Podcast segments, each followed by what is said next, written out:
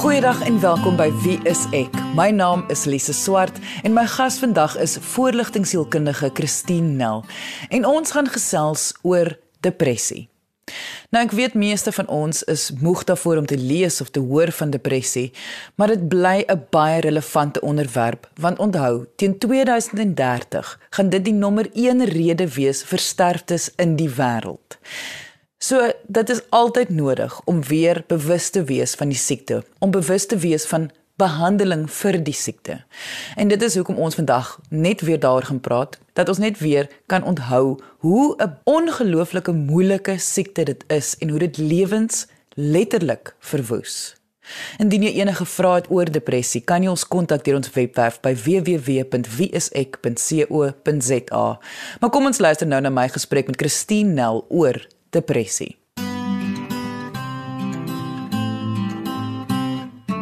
Christine, kom ons begin by die begin. Wat is depressie? Depressie is 'n gemoedsversteuring wat mense laat swaarmoedig voel. As 'n mens dit nou in 'n baie eenvoudige manier wil sit. Eh, swaarmoedig beteken dat jy voel bloot te swaar en te donker om regtig die ligte kant van die lewe te sien, om jou dagtake te verrig en dat jy voel moedeloos en jy dink dinge gaan nooit beter raak nie en dit hou vir 'n uitgestrekte periode aan. 'n Depressiewe episode is ten minste 2 weke lank wat jy voel jy kan nie die lig sien nie. Party mense raak baie negatief en krities, party mense raak kwaai en dan is daar ook mense wat voel hulle kan net nie ophou huil nie en hulle kan nie hulle emosies beheer nie, want hulle het net nie daardie emosionele krag om daai beheer toe te pas nie. Depressie is verrykend, dit beïnvloed jou slaappatrone, ge gaan gewoonlik gepaard met onreëlmatige slaap. Dit dit affekteer jou eetgewoontes, party eet meer, party eet minder.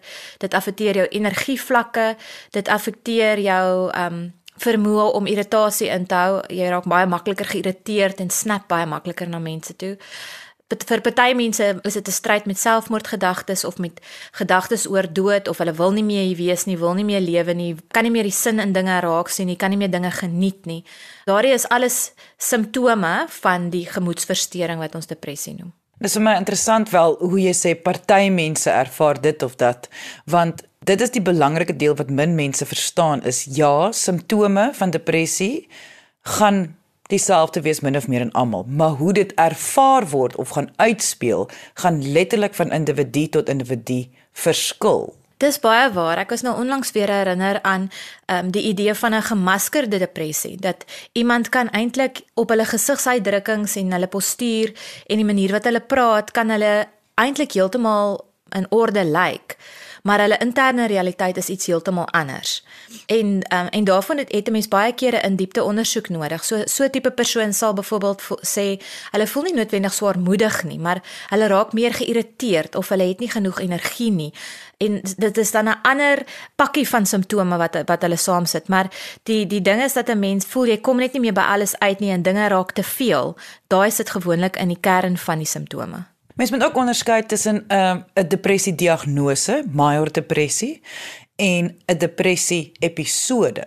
Dis waar ja, 'n depressie episode is iets wat 2 weke lank of of dalk 'n bietjie langer duur en dit dit kom nie noodwendig herhalend voor nie. En wanneer dit 'n depressie verstoring raak, is dit episodes wat herhalend voorkom by 'n mens. So daar's 'n lang patroon of geskiedenis waar mense depressie ervaar. En dan is daar ook iets soos aanpassingsprobleme met depressiewe simptome waar iemand deur 'n groot aanpassing gaan en hulle gemoed daal, maar hulle voldoen nie aan die uh, aan die volle kriteria vir 'n depressiewe episode nie maar as gevolg van die sneller van aanpassing raak hulle tog ietwat swaarmoedig en lusteloos.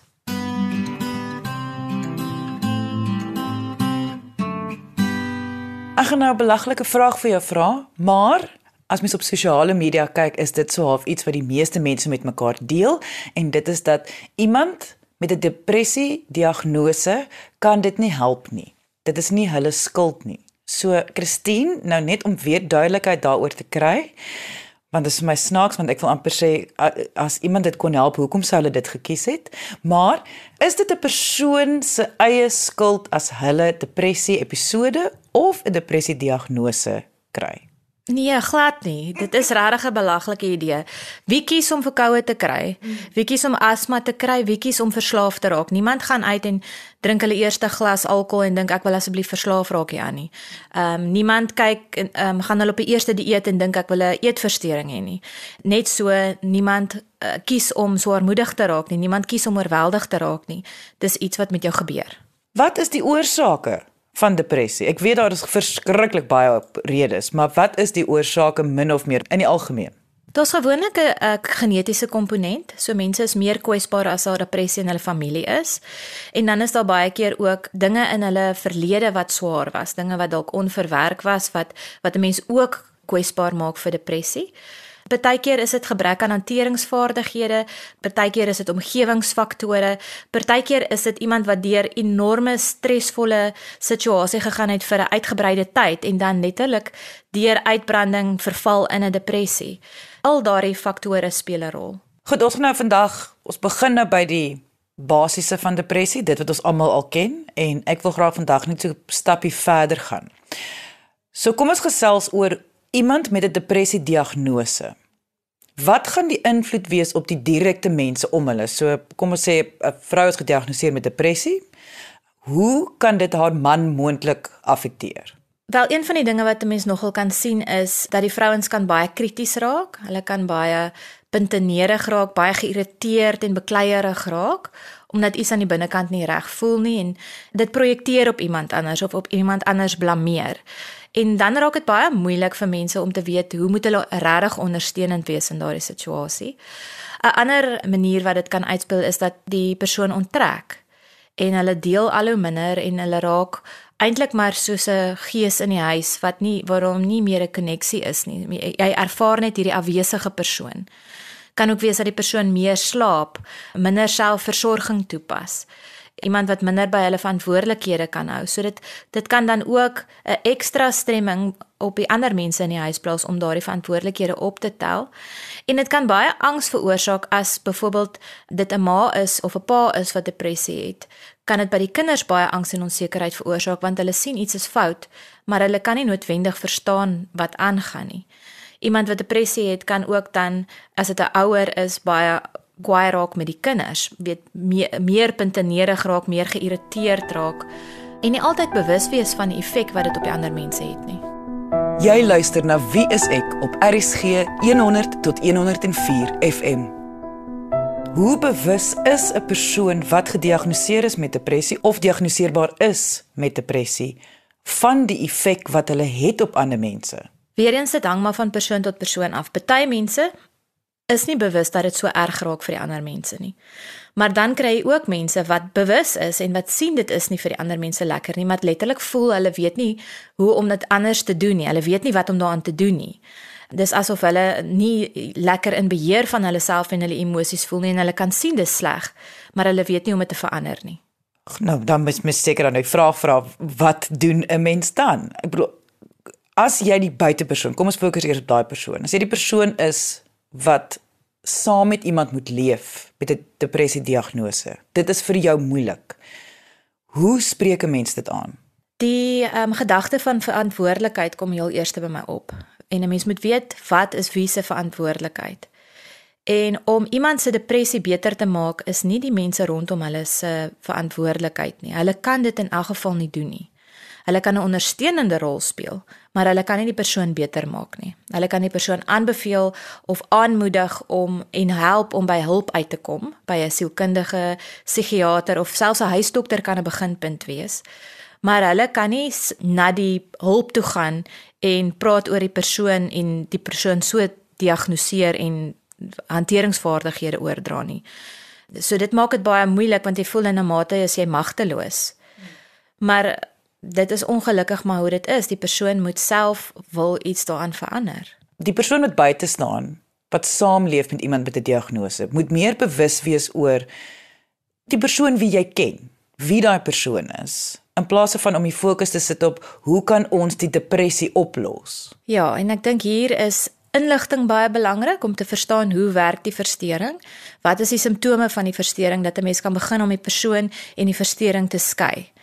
Ehm um, dit maak dit net vir mense baie keer baie makliker om die verstoring dan te leer ken as iets apart van die persoon. Help vir iemand om hulle self nie so oor die kole te haal dat hulle wel so voel nie maar dat hulle kan verstaan dit is wat hierdie siekte doen. Dit is hoe hierdie siekte mense gedagtes beïnvloed ensovoorts so albei partye moet daardie inligting hê. Die persoon wat die depressie kliënt of pasiënt is sowel as die geliefde van die persoon en dan is die kommunikasie baie belangrik want albei se emosionele behoeftes in hierdie situasie is ewe belangrik.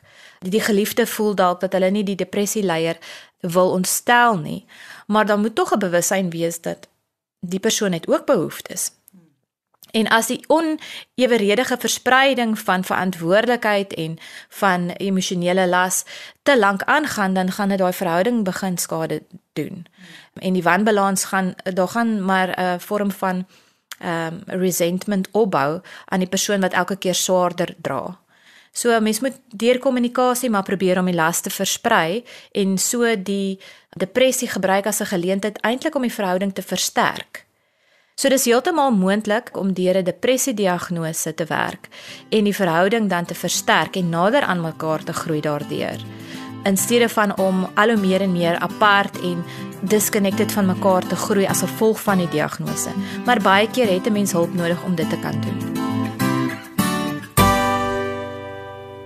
Dit is altyd belangrik om bewus te wees van hierdie siekte, om regtig te verstaan wat hierdie siekte se implikasies nie net vir die individu self is nie, maar ook vir hulle geliefdes. Indien jy nou eens ingeskakel het en graag die volledige episode wil luister, kan jy die pot gooi, gaan aflaai op RSG se webwerf by www.rsg.co.za. Maar kom ons luister nou eers verder na my gesprek met Christine Nel oor depressie. Christine voor die advertensiebreek het ons gepraat oor die effek wat 'n depressie diagnose nie net op die individu kan hê nie, maar ook die persoon wat langs die persoon staan, die geliefde. Ek weet nie hoekom nie, maar in my kop bly altyd wanneer ek kom by die gesprek van depressie, die gevoel van skuld, skuldgevoelens. Dit is iets wat baie mense met depressie miskyk of omdat skuldgevoelens so oorweldigend kan wees. Ons ons koppel dit nie altyd aan 'n depressie diagnose nie. Baie mense wat met depressie gediagnoseer is, voel skuldig oor alles. Inderwaarheid is skuldgevoelens en 'n lae eie waarde is eintlik een van die hoofsimptome, nê? So ons sien dit baie keer herhalend, jy is heeltemal reg. Dat mense voel skuldig en hulle vat, vat skuld aan wat eintlik glad niks met hulle te doen het nie. Uh, mense kan baie lig geraak voel in daardie tyd en dan kan hulle as iemand net 'n bietjie af is, onmiddellik aanneem dat dit iets met hulle te doen het. En hulle kan um, baie skuldig voel oor dinge wat nie reg gaan in hulle huis nie of dinge wat nie in hulle finansies reg is of wat ook al nie en en dan onregmatige skuld op hulle self laai. Dit is 'n denkfout wat binne depressie gebeur. En meeste van die tyd het 'n mens maar sielkundige hulp nodig om te verstaan wat daar aangaan, hoekom dit gebeur. Want daai daai patroon kan ook bestaan sonder 'n depressie diagnose. Maar as 'n mens daar vashak, dan kan kan dit jou gemoed begin affekteer en jy kan al hoe swaarder en swaarder raak totdat jy regtig dan vassit binne in 'n depressie. So skuld en skaamte is 'n is 'n baie belangrike tema vir ons almal om aan te dink. Want ek dink juist dan omdat ons voor die advertensieberg gepraat het oor verhoudings en waar 'n depressie diagnose kan 'n verhouding ruïneer. Dit is hoe sterk dit kan raak indien dit nie bestuur word nie. Maar ek kan dink dat daai skuldgevoelens binne 'n verhouding kan alleen op heel alleenlik al klaar 'n verhouding reneer. Dis baie waar. Van die persoon wat die depressie leier is, kan dalk al hoe meer skuldig voel oor dat hulle voel hulle kan nie hulle um, die volle bydrae in die huis lewer nie of hulle gemoed affekteer hulle geliefde. En so kan daai ding spiraal en spiraal en maak dat hulle al hoe meer onttrek en al hoe minder energie het. Die gat al hoe dieper raak en hulle al hoe donkerder voel. Dit op sigself dryf hulle verder van hulle geliefde af weg wat magteloos staan en toe kyk die ander persoon kan net so skuldig voel want hulle kan dalk voel hulle moet help en hulle kan nie help nie en die persoon gaan net al hoe verder agteruit. So in daardie persoon se lewe kan daai skuldgevoel ook 'n baie groot rol speel. So hoe ons baie keer terapeuties daarmee werk is om te dink oor grense. Wat sit aan my kant van die grens? Wat is in my grense van invloed? Wat kan ek wel doen en wat het eintlik nie so baie met my te doen nie en wat is dalk 'n gedeelde las. So dan begin 'n mens die die denkfoute wat mense baie keer maak adresseer en as jy begin anders dink oor 'n ding dan het dit gewoonlik ook 'n ripple effek in jou emosies en verder. Soos jy praat besef ek, as daar 'n verhouding, 'n liefdesverhouding is en daar is 'n depressie diagnose, is dit vir my amper dieselfde ding as 'n derde party, met ander woorde iets soos ontrouheid of so iets. Daar is 'n derde faktor wat ongewenst is in hierdie verhouding. En ek wil amper sê as 'n mens die toegang het of die manier het of 'n manier het om dit aan te spreek, soos nou dink ek aan verhoudingsterapie of om met jou geloofsleier te gaan praat in die in waar al jy woon, maar om iemand betrokke te kry wat objektief vir julle kan help om hierdie derde party te kan hanteer. Ja, ek ek hou nogal baie van daai idee van eksterne ondersteuning. En of dit nou een persoon is by wie jy hulp kry en of dit 'n groepie is by wie jy hulp kry, hulp het jy nodig want ag dit is maar hoe 'n gemeenskap ook versterk is om deur daar te wees vir mekaar. Maar mense is baie keer bang om hy risiko te vat om uit te reik vir hulp of dit nou na 'n individu of 'n groepie is, omdat dit hulle self baie kwesbaar maak. En dit dit is 'n risiko want jou vertroue kan beskadig word maar meeste van die tyd is dit iets wat jy nie alleen kan kan oorkom nie. En daai ekstra ondersteuning maak 'n baie groot verskil. Maar natuurlik is 'n depressie diagnose nie net 'n probleem wanneer dit kom by liefdesverhoudings nie. Dit is 'n siekte wat alle verhoudings in jou lewe, dit is nou as jy gediagnoseer word met die siekte, gaan affekteer. So, hoe kan 'n individu wat nou 'n diagnose het, wat sou jy sê is altyd die beste manier om te werk aan jou verhoudings met die mense om jou? Dis nou kollegas by die werk, jou familie, jou vriende, jou geliefdes. Een ding waaroor baie kliënte wonder is met wie deel ek dit? En dit is nie 'n daar is nie maklike antwoord vir dit nie want Daar is ongelukkig mense wat jou vertroue gaan misbruik. Jy kan nie vir almal sê ek is 'n depressieleier nie almal weet in elk geval nie wat om daarmee te maak of wat dit beteken nie. Maar dat 'n mens wel jou vertrouelinge het vir wie jy kan sê, weet jy, ek is gediagnoseer met depressie, ek kry behandeling daarvoor en dat 'n mens maar die dialoog rondom dit oophou. Dit maak net baie keer dat mense 'n bietjie meer begrip het vir 'n mens of dat 'n mens net ag al maak 'n kollega vir jou 'n koppie tee die dag wanneer jy nie 'n goeie dag het nie, dan dan beteken dit al klaar vir mens iets. Die gevaar is baie keer dat mense aan die buitekant voel dat die depressieleier blameer hulle depressie vir alles en vat nie self verantwoordelikheid nie. Dit is natuurlik ook 'n groot gevaar. In baie gevalle is dit dan nie regtig die depressie se skuld nie, maar dit is 'n gedragspatroon of 'n persoonlikheidspatroon binne die persoon self wat eintlik dan nou die situasie misbruik. En ongelukkig maak dit dan dit dan vir ander depressieleiers wat eerlik is en wat nie daai manipulasie toepas nie, moeiliker. Want mense het nou klaar daai persepsie in hulle kop dat mense depressie blameer en nie hulle deel doen nie ensovoorts. So mens moet maar met versigtigheid kies vir wie jy deel, maar dit is nodig dat daar mense is wat weet. Wat sou jy aanraai dan om seker te maak dat die verantwoordelikheid by die persoon met die diagnose bly? Wat moet ek dan nou doen? Ek dink daai oop deur is net belangrik dat die persoon kan sê, weet, dink maar net aan my vandag. Ek het nou nie 'n goeie dag vandag nie. Jy hoef nie die hele tyd te loop en scan en kyk of of die persoon oukei okay is of um jou asem op te hou dat iets hulle iets aan hulle self gaan doen nie, want die verantwoordelikheid vir hulle lewe en hulle behandeling lê by hulle. Maar as hulle weet dat jy daar is vir hulle en as iemand dan sê ek het 'n afdag vandag, kan 'n mens vra vra soos wil jy daaroor praat? Hoe voel jy daaroor? Kan ek vir jou iets doen? Kan ek help met iets om hulp aan te bied? En partykeer is dit so eenvoudig soos man, kan jy miskien net my kinders by die skool gaan haal? Dis partykeer regtig net so 'n praktiese klein dingetjie wat die las 'n klein bietjie ligter maak vir daardie dag. Natuurlik wil mense nou nie dit elke dag moet doen vir jare aan een nie, dan is dit mos nou lankal nie meer 'n gesonde situasie nie. Maar dat die persoon weet as hulle regtig dit nodig het, dan sal jy daar wees om om te help of te luister. Dan het jy al klaar baie gedoen. Jy luister na Wie is ek op RSG 100 tot 104 FM. Hoe gaan jy weet as jy begin verantwoordelikheid weggevat het van die persoon met die diagnose? Een uh, belangrike teken is as jy begin angstig raak. As jy angstig raak as die persoon af is, dan weet jy dat jy waarskynlik al klaar ehm, 'n um, te swaar las dra want dit is nie jou verantwoordelikheid om dit beter te maak nie. 'n Tweede ding is as dit begin interfereer met jou verantwoordelikhede en jou dinge wat jy in elk geval moet doen. Natuurlik sal 'n mens baie keer iets vir iemand moet doen en jou rotine word um, de mekaar gekrap, maar as dit 'n patroon raak waar dit almekaar gebeur en jou grense word onderskry en jou verhoudings en mense begin daaronder lê, dan moet jy weet dit is nou nie meer gesond nie. As 'n mens dan agterkom, o, maar ek ek dra nou te swaar aan hierdie las of ek het nou heeltemal te betrokke geraak of ek dra te veel verantwoordelikheid dan moet jy mens net wegraak nie. Dan moet jy nie net stil bly en die persoon ignoreer nie, want dit kan ook nou weer die verhouding skade doen. So die kommunikasie weer eens om om maar net op 'n eerlike, respekvolle manier te probeer gesels oor dit en te sê, weet jy, ek weet ook dit is nie vir jou goed as ek te veel vir jou doen nie, want dan gee ek ook vir jou die boodskap dat jy dit nie kan doen nie. So hierdie en hierdie is wat ek wel kan doen en hierdie is hoe ek bereid is om regtig vir jou te ondersteun, maar daardie en daardie kan ek ongelukkig nie meer doen nie.